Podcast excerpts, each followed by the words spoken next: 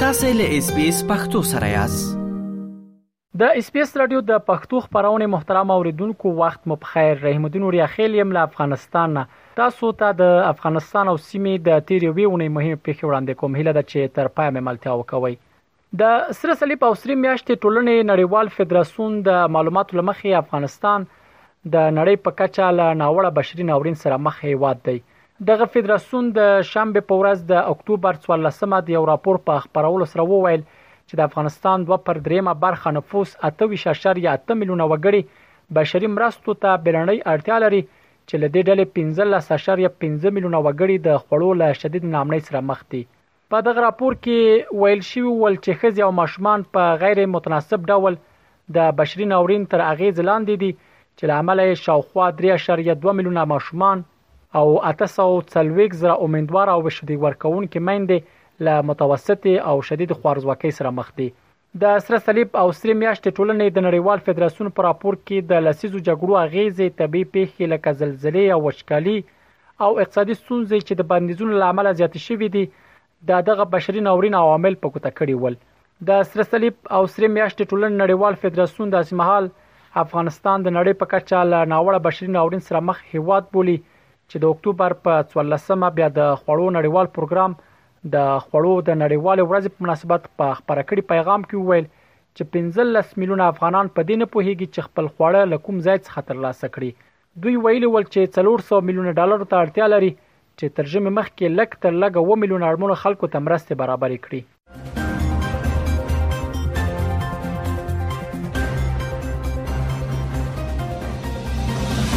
د ملګرو ملتونو کارپوهانو له پاکستانه وغوښتل چې افغانستان ته د شاوخوا 1.4 میلیون افغان کډوالو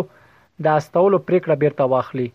د کارپوهانو په دغه ډله کې چې د افغانستان د بشري حقونو لپاره د ملګرو ملتونو ځانګړی راپور ورکوونکی ریچارډ بنډ هم شامل دی، په یوه اعلامیه کې وویل، دا ایستل به هغه افغانان اغیزمن کړي چې د بشري حقونو د جدي اندیښنو او په افغانستان کې د بشري ناورین له امله د خوندیتوب په لټه پاکستان ته کډه شوي دي. د ملګرو ملتونو د کارپوهانو دغې ډلې خبرداری ورکړ، که افغان کډوال په جبري ډول وایستل شي، ډېری کورنۍ، مېرمنې او ماشومان به په خپل هېواد کې د بشري حقونو د سړغړونو په ګډون د نه منلو وړ زیانونو سره مخ شي. دغو کارپوهانو دا هم ویلي ول، د هغه راپورونو په اړه اندېښمن دي چې ښايي له هغه راهیسې چې پاکستان د افغان کډوالو د ایستلو اعلان کړی، په پاکستان کې مېشت افغانان د نیولو، استثمار او غیر قانوني چلند سره مخ شوي دي. د یادونې ده چې د پاکستان حکومت د روان اکتوبر میاشتې په پیل کې اعلان وکړ چې په دغه هېواد کې یو میلیون او اووه سوه زره غیر قانوني یا بې اسناده کډوال اوسي او هغوی ته د روانې میاشتې تر پایه وخت ورکوي چې په خپله خوښه له پاکستانه ووځي،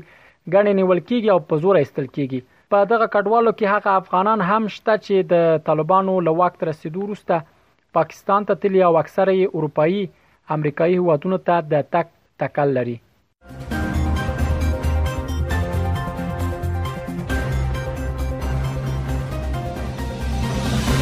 د هند ملي امنیت سلاکار په افغانستان کې د ټولګډونو حکومت د جوړېدو ترڅنګ لا ترهګرۍ سره په مبارزه او بشري حقوقو پر خوندیتوب ټینګار وکړ د هند ملي امنیت سلاکار اجیت ډاول د هند او منځنۍ اسیا ملي امنیت سلاکارانو په ناسته کې چې قزاقستان کې تر سره شو وویل د افغانستان روانې کشالۍ ته د معقول حل لارې لټول لا هم د هند په لومړیتوب کې دي دا ول وویل له افغانانو سره بشري مرستو سربېره باید طالبان وهڅول شي چې ټولګډونه حکومت جوړ ترهګرو سره کلکه مبارزه او د بشري حقوقو خوندیتوب ته ځانګړې پاملرنه وکړي اجیت داول ډاډ ورکړ چې هیواد به یې له عام افغانانو سره مرستو او همکاریو ته دوام ورکړي. د یادونې ده چې د افغانستان او سیمې په تړاو په نږدې هره جوړېدونکې غونډه کې په افغانستان کې د ټولګډونه حکومت پر جوړېدو ټینګار کېږي، کوم څه چې طالبان بیا دا ډول غوښتنې د دوی په کورنیو چارو کې لاسوهنه بولي.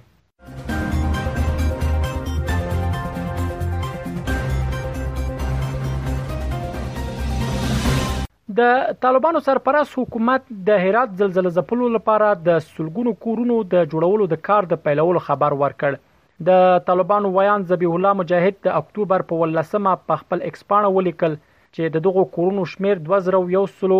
شپږ څلويخ دی چې د جوړولو چارې وار د مخه پیل شوې دي د طالبانو ویاند وویل چې دغه کورونه به په معیاري ډول جوړ شي او د هرات ولایت د زندجان ولسوالۍ په سیا اپ کلی کې د هرات زلزله ځپلو لپاره یو استوګنیزه مینه هم په پام کې نیول شوې ده خاغلی مجاهد وویل هڅه کیږي څو د ژمي لاره رسیدو د مخه دغه ښارګوټه بشپړه او کورونه د هرات د ورستۍ زلزلې زیانمن شوی خلکو ته توزیع شي د ملګرو ملتونو سازمان د معلوماتو لمخې د هرات په څو سیمو کې 43 زره کسان ورستیو زلزلو لامل زیانمن شوي تر 3313 ډیر کورونه په بشپړه توګه ویجاړ شوي چې په دې ډله کې 2130 کورونه سخت زیانمن شوي او 1490 کورونه په منځنۍ کچه زیانمن شوي دي د یادونې ده چې هرات او شاوخوا سیمو کې لومړی د اکتوبر میاشتې پر ومه او بیا وروسته څو نورې زلزلې وشوې چې خلکو ته پکې ځاني او مالي زیانونه واوښتل.